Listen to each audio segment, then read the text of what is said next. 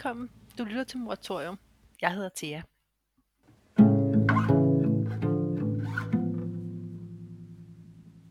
I dagens afsnit af Moratorium skal du høre Karens fortælling om at blive til som mor. Det er blandt andet en historie om ikke at kunne mærke det der mor. Om hele tiden at have brug for en pause, og om den ammende mors ensomhed i natten, selvom barnets far sover lige ved siden af. Det er fortællingen om burdemoren og om veje baby blues. Det er også en fortælling om at opdage friheden i at give slip og lade barnets far komme til, og om hvordan det uendelige mørke alligevel letter med tiden. Men først og fremmest er det Karens umiddelbare og ærlige fortælling om at blive mor, sådan som den fandt vej til moratorium præcis i dag. Havde vi spurgt den anden dag, så havde fortællingen sikkert lyttet anderledes, for sådan er moderskabet også. Det forandres og er hele tiden på vej til at blive til på nye måder. Når du i dag kan lytte til Karens fortælling, så er det fordi vi i Moratorium tror på betydningen af at skabe rum, hvor mødre kan få en stemme og blive hørt. Og vi tror på vigtigheden i at lytte til de mange og forskellige former for moderskab. For moderskabet kan være svært og lige til. Det kan være smukt og brutalt. Det kan være naturligt og naturstridigt. Alt sammen i en pærevælling. I moratorium forsøger vi at tale om det hele, uden at dømme noget rigtigt eller forkert, for at skabe lidt mere plads i det der moderskab. Men nu skal du bare læne dig tilbage, og så for en stund lade dig tage med i Karens fortælling. Her behøver du ikke at vurdere eller sammenligne. Her kan du bare give dig selv lov til at lytte og være vidne til en kvindes moderskab. God fornøjelse.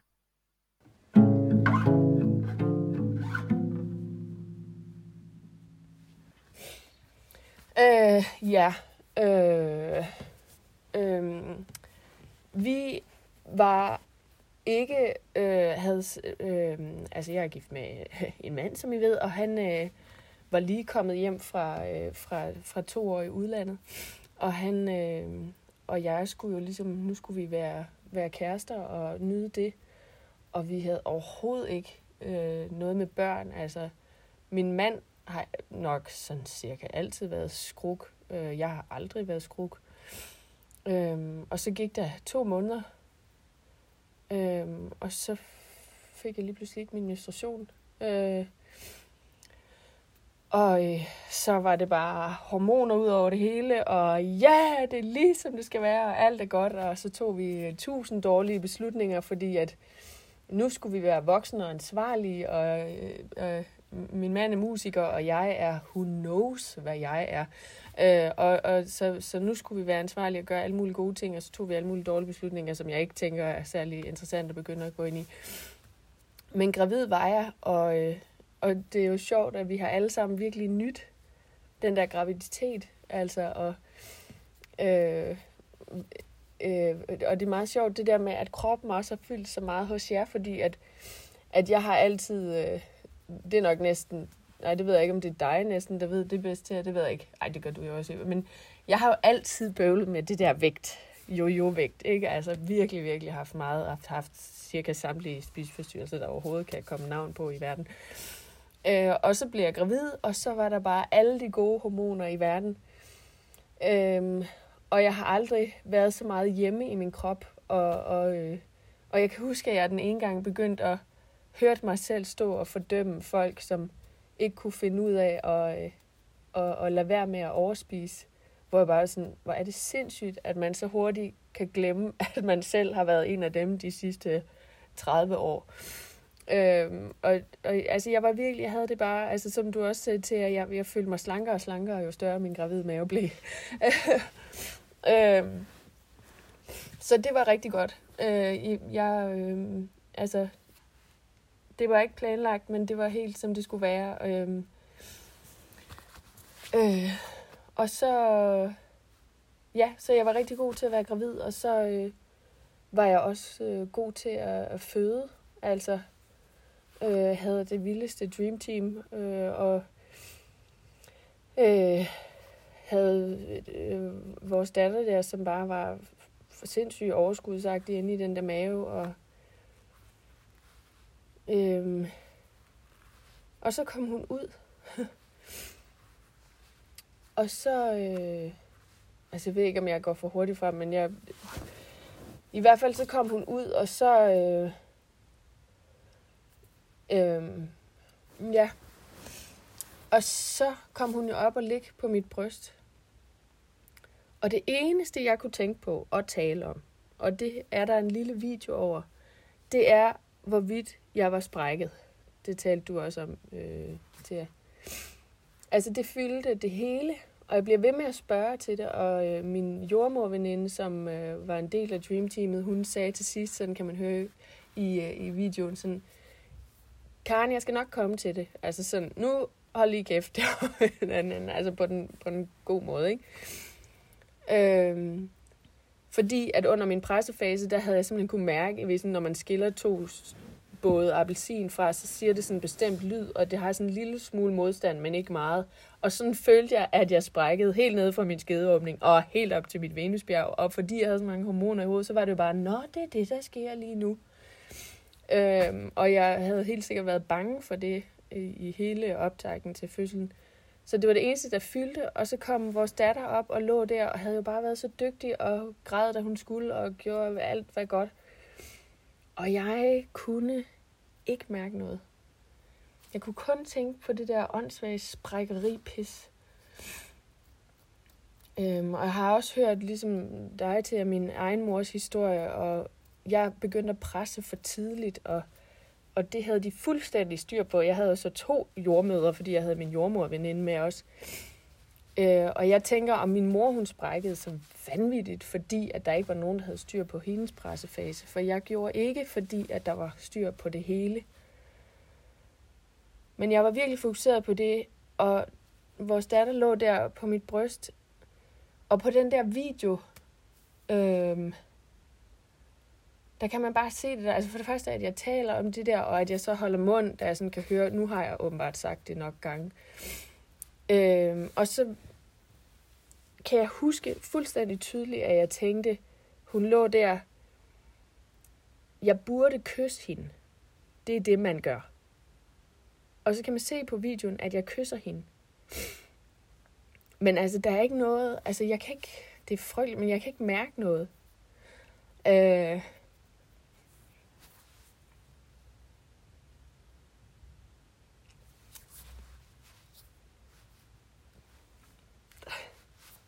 jeg skal lige ud på den anden side her. ja. ja, jeg kan bare ikke mærke noget. og øh, altså, ja, og så... Øh, og det var simpelthen der, det startede. Det der, som jeg føler har været hele mit moderskab. Det er det der med at være en burdemor.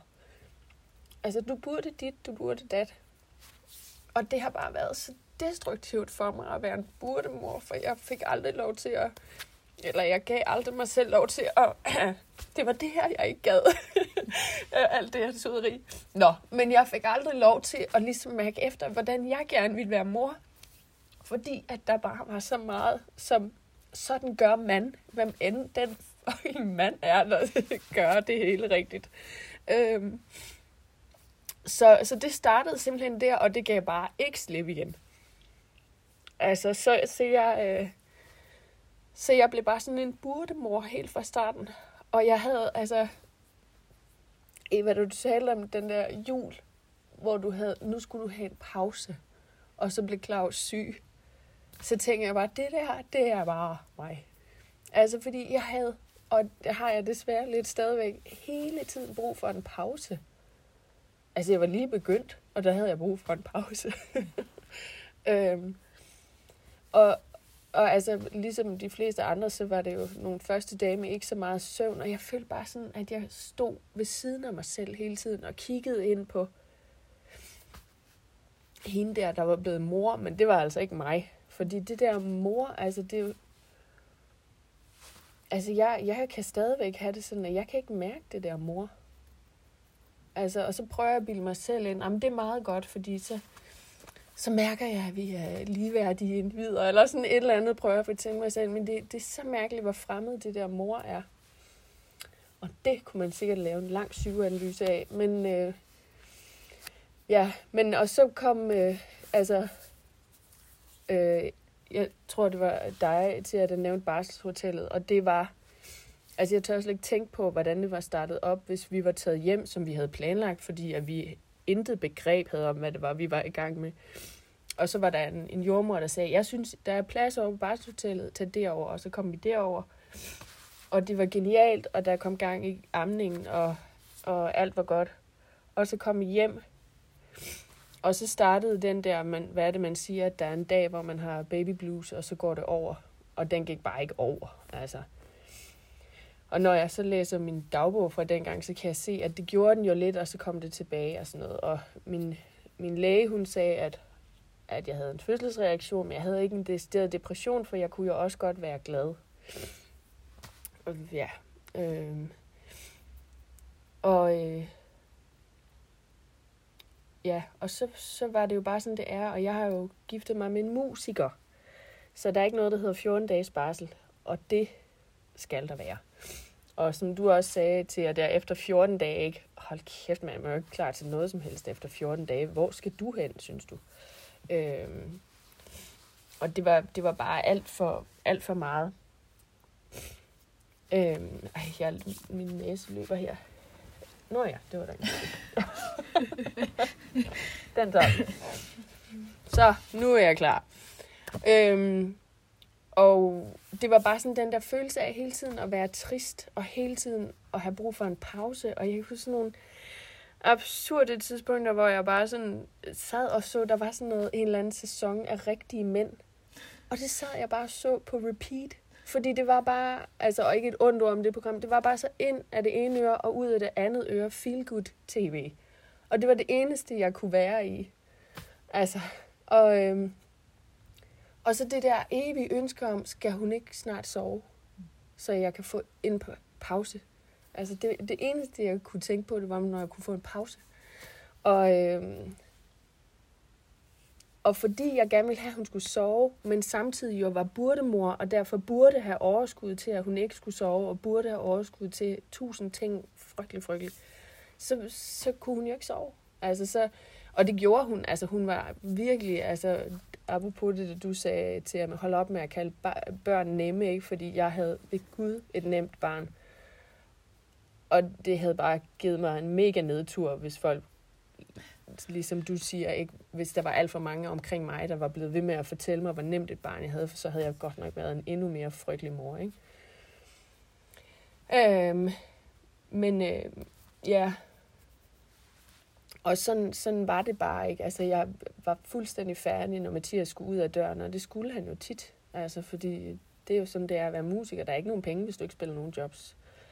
Øh, og så havde jeg ja, altså så havde jeg heldigvis øh, efter, jeg har hele tiden haft sådan en fase af, hver, hver gang der er gået seks måneder, så er der sket et eller andet, som har gjort, at det har været nemmere at blive mor.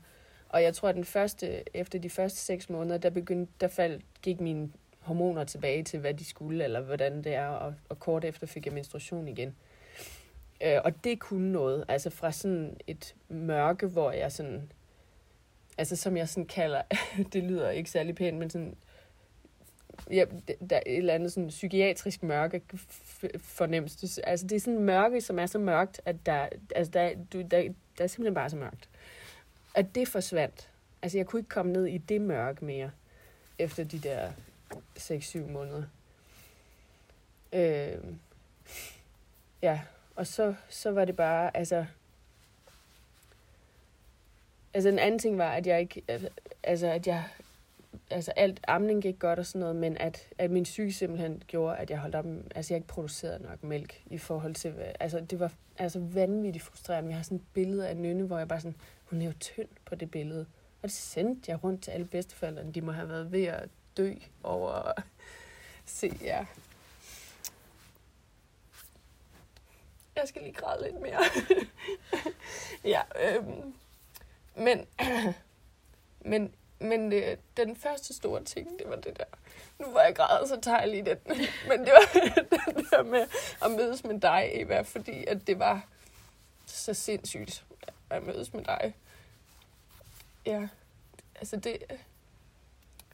Ja, jeg ville bare have ønsket, at nogen havde spurgt mig, da jeg blev gravid, var det planlagt?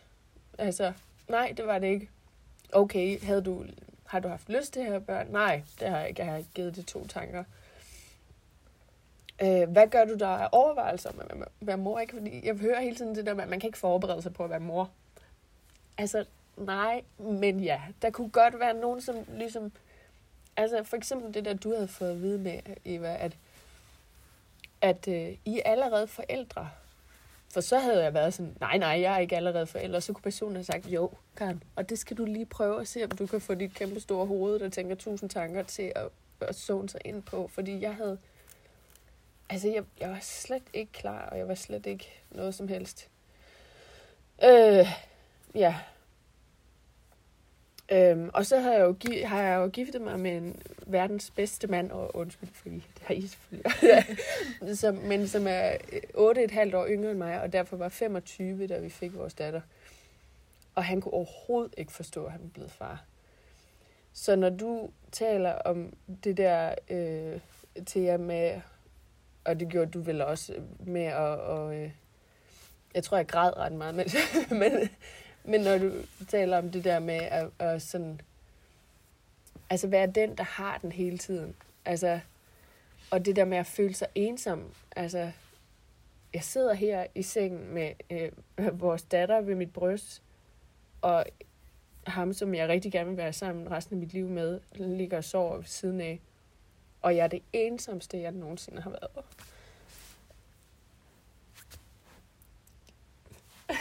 Det var lidt hårdt. Ja. Øh. Nu tror jeg bare lige, at jeg kløder lidt rundt, fordi at jeg, der er tusind ting, jeg gerne vil sige. Men, men i hvert fald det der med at føle, at jeg havde den, og havde den alene, og øh, skal hun have køredrag på? Ja, selvfølgelig skal hun have køredrag på. Vi skal ud i en kold bil. Hun kan jo ikke... Hvad er det, du tænker, hun skal sidde i? Altså sådan noget. Tænk nu lige lidt selv. Øh, og samtidig også som at min kloge, kloge søster blev gjort opmærksom på, jamen Karen, hvis han skal deltage, så skal du give slip. Han kan ikke deltage, hvis han skal gøre alting på din måde. og jeg var bare så ængstelig, og jeg var bare så bange for at gøre noget galt, og jeg var så bange for, at hun skulle ikke have det godt. Altså, det var sådan en evig angst. Nu tror hun ikke, at jeg vil hende. Altså, hun er så lille, Karen. Hun tænker ikke de der tanker. Jeg tillader hende alt muligt. Øhm, og, og altså, hele min burdemor fasong den, den, den var virkelig... Den gik også ud af min mand i, at, at jeg ikke bare kunne give slip og lade ham gøre det på sin måde. Og så sagde min kloge søster det der. Og det sparkede virkelig meget til mig, fordi jeg godt kunne se, at jeg ville dø i det her, hvis ikke jeg gav slip og lod ham gøre det på sin måde. Ikke? Min mand er, er, altså, er, er natteravn, øh, og er, altså, han står ikke op klokken 6 om morgenen og er frisk, vel? Og jeg var bare sådan, ej, altså jeg kunne ikke have det der med, at han var så skildret og skulle stå op med nynne. Så jeg gjorde det hele. Og det var noget fis, fordi hun kan godt tåle at stå op med en skildret far. Altså, der var bare så mange ting, hvor jeg sådan, ej, det kan man ikke, og det burde man gøre sådan her, og mand, mand, mand, mand, mand. Øh, ja. Øh, men ja, Altså, og mit problem var også, fordi som jeg også kan høre på dig til, og det ved jeg ikke, men altså at komme ud og arbejde igen, det kunne noget helt særligt for dig. Og der var mit problem jo, at jeg havde lige været på barsel i et år. Og mit freelance ud over det hele liv, øh, altså var smadret af det. Jeg skulle ligesom til at hive fat i en hel masse folk. Så, så, det, var også, så det var ikke sådan en forløsning at komme ud i arbejdslivet igen, fordi at der bare ikke var noget.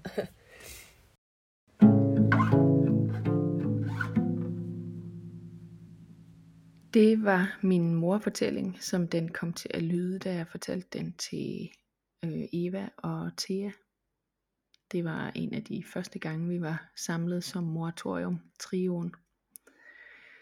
Det blev meget kort, fordi at jeg havde en eller anden idé om, at jeg ikke skulle skrive noget ned og nok i mit ubehag over at sidde og fortælle alle de her ting, så øh, sprang jeg en hel masse over.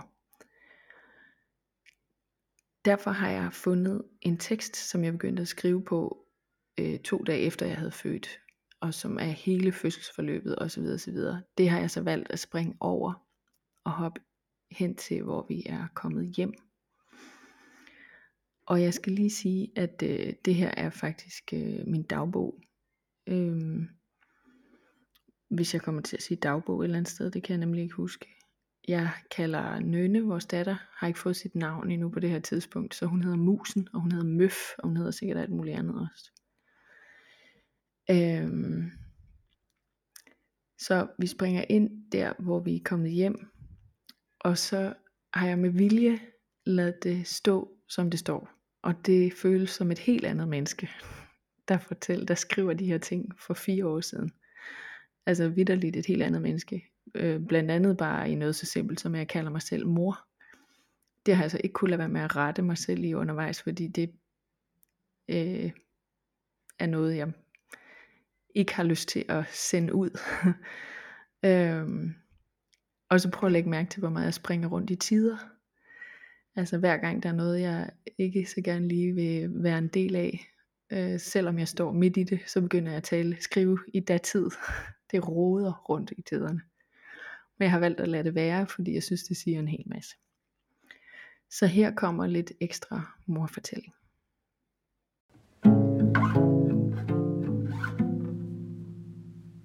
Derhjemme kom moster på besøg en halv time efter, at vi var kommet hjem. Så kom mormor, og så kom mormoster, og så var der hygge. Det var skønt at have dem på besøg, og mor blev, mormor blev to nætter, hvor hun holdt øje med musen.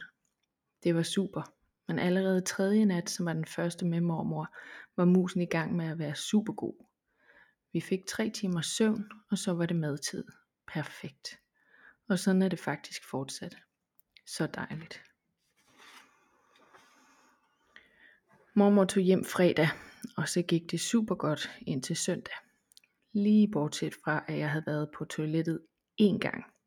Og da jeg aldrig har nogen som helst problemer med min mave, glemte jeg at holde øje med, hvor meget jeg var på toilettet. Det tager noget tid på grund af lavemanget, men så skulle min mave også have været i gang efter den første gang på toilettet. Det kom den ikke. Så da jeg endelig kom i tanker om, at jeg slet ikke havde haft afføring, gik jeg på toilettet og lavede en ny fødsel af noget helt andet, meget mindre sjovt. Aldrig i mit liv har jeg lavet så stor en lort. Så er det sagt. Og den stoppede seriøst toilettet. Jeg måtte ud efter noget at jage i toilettet for at få det hele igennem. Det var altså seriøst vildt. Efter det blev der indkøbt sviskegrød. Men alt gik fint indtil søndag. Jeg havde nogle tudeture, men det var ikke noget særligt.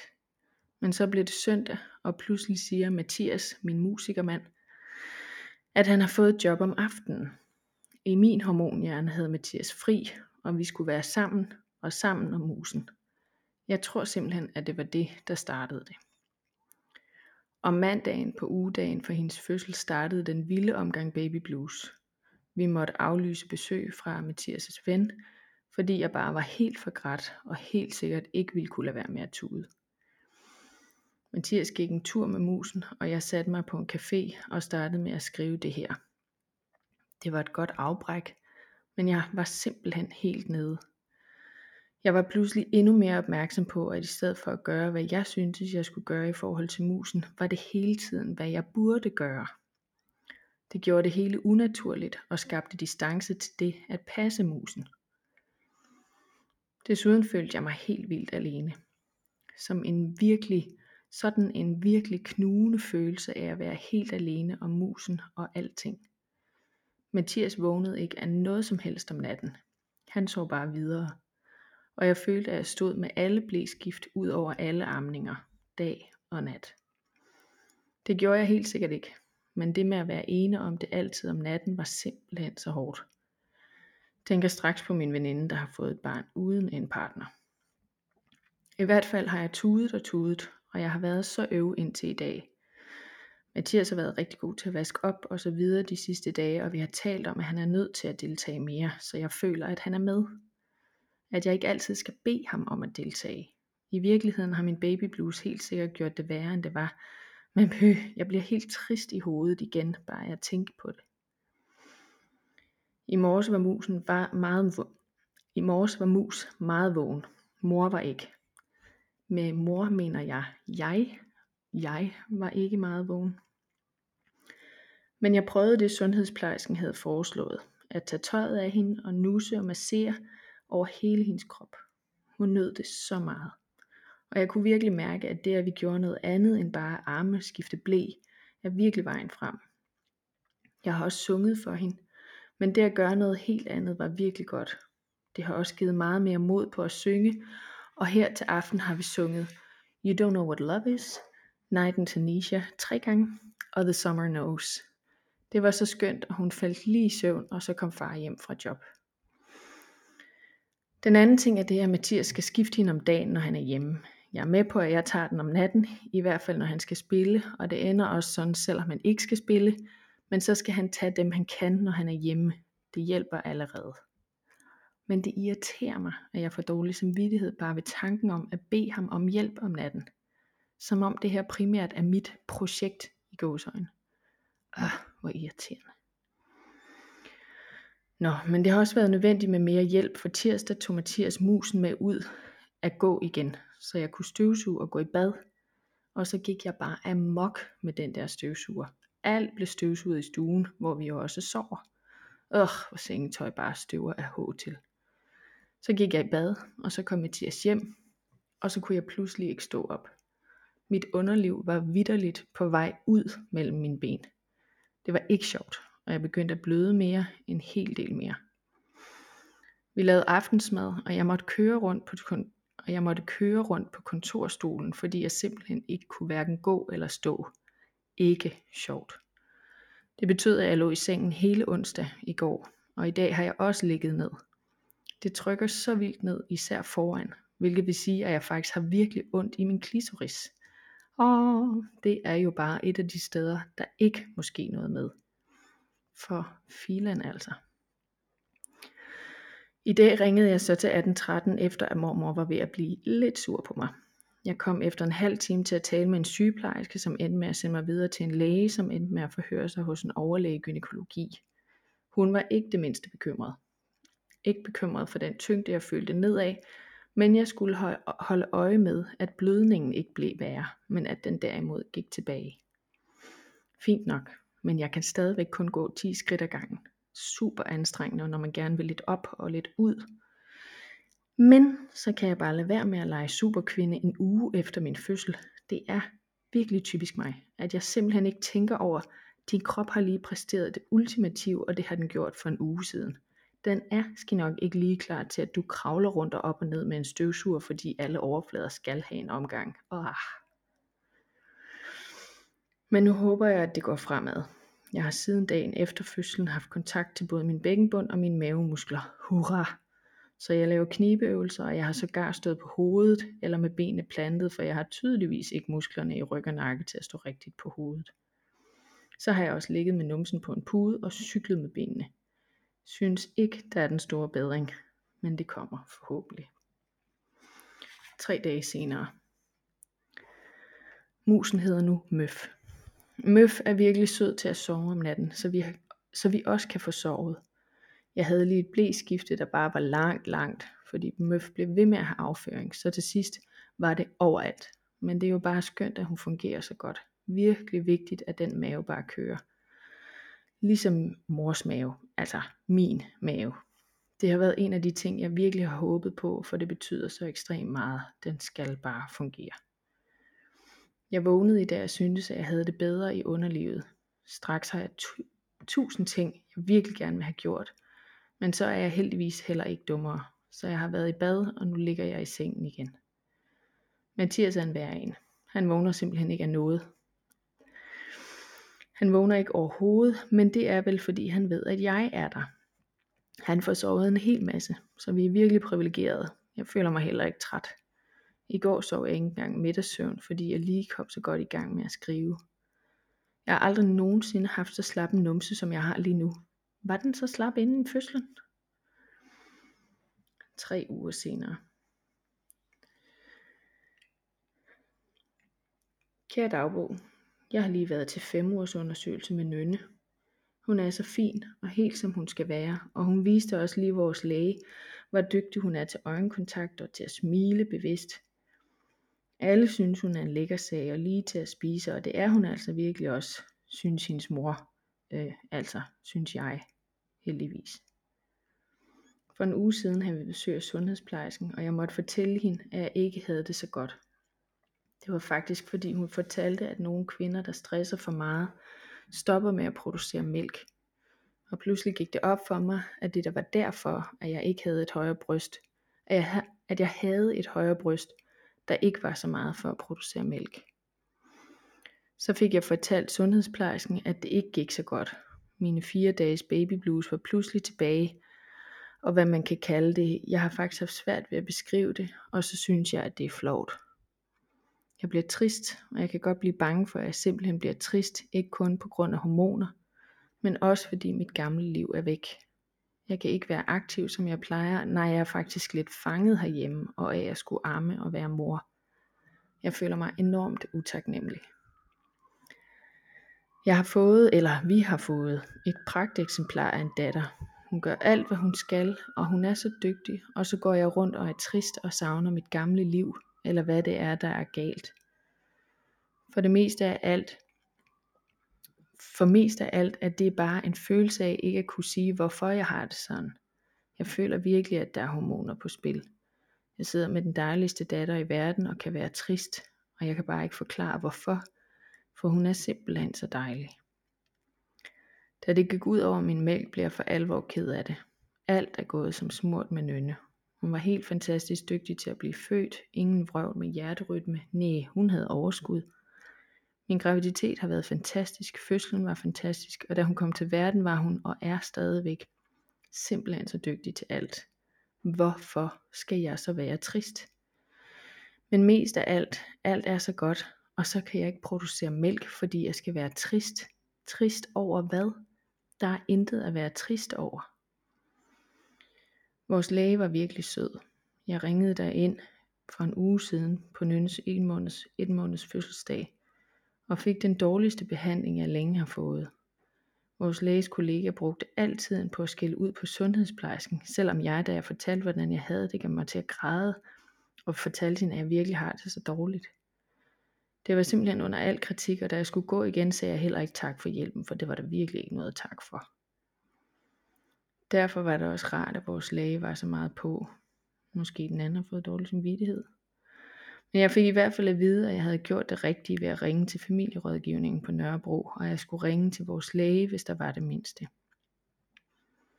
Jeg har ellers haft nogle virkelig gode dage hele weekenden.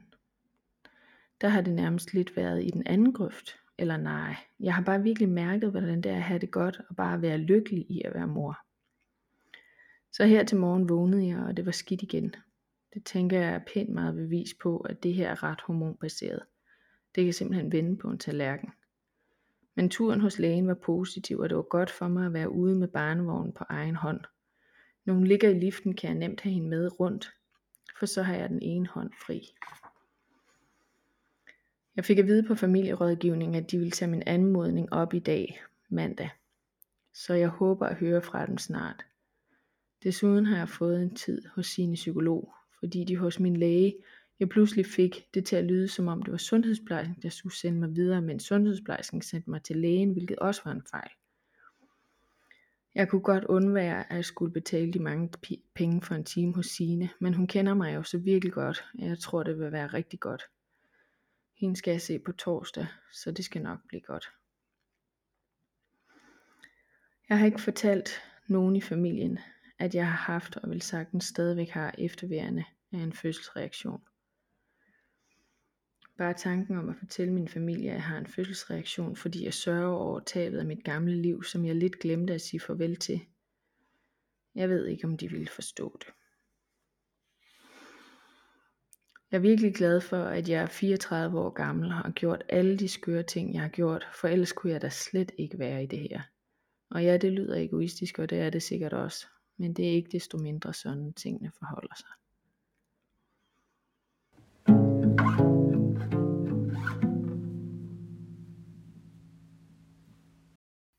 Det var alt for nu. I dag har du lyttet til Karens fortælling om at blive til som mor. Hvis du har lyst til at dele din historie med os, så kan du skrive til os på moratoriumpodcast eller via vores Instagram profil moratoriumpodcast. På Instagram-profilen kan du også finde mere information om kommende afsnit og skrive til os, hvis du i øvrigt har kommentarer eller spørgsmål til podcasten. Hvis du kan lide, hvad du hører, så håber vi selvfølgelig, at du vil hjælpe os med at få podcasten ud til flere lyttere ved at give os en anmeldelse og dele podcasten med andre derude. Du kan selvfølgelig også abonnere på Moratorium, der hvor du finder dine podcasts, så du automatisk kan følge med, når der kommer nye afsnit. Vi lyttes ved. thank you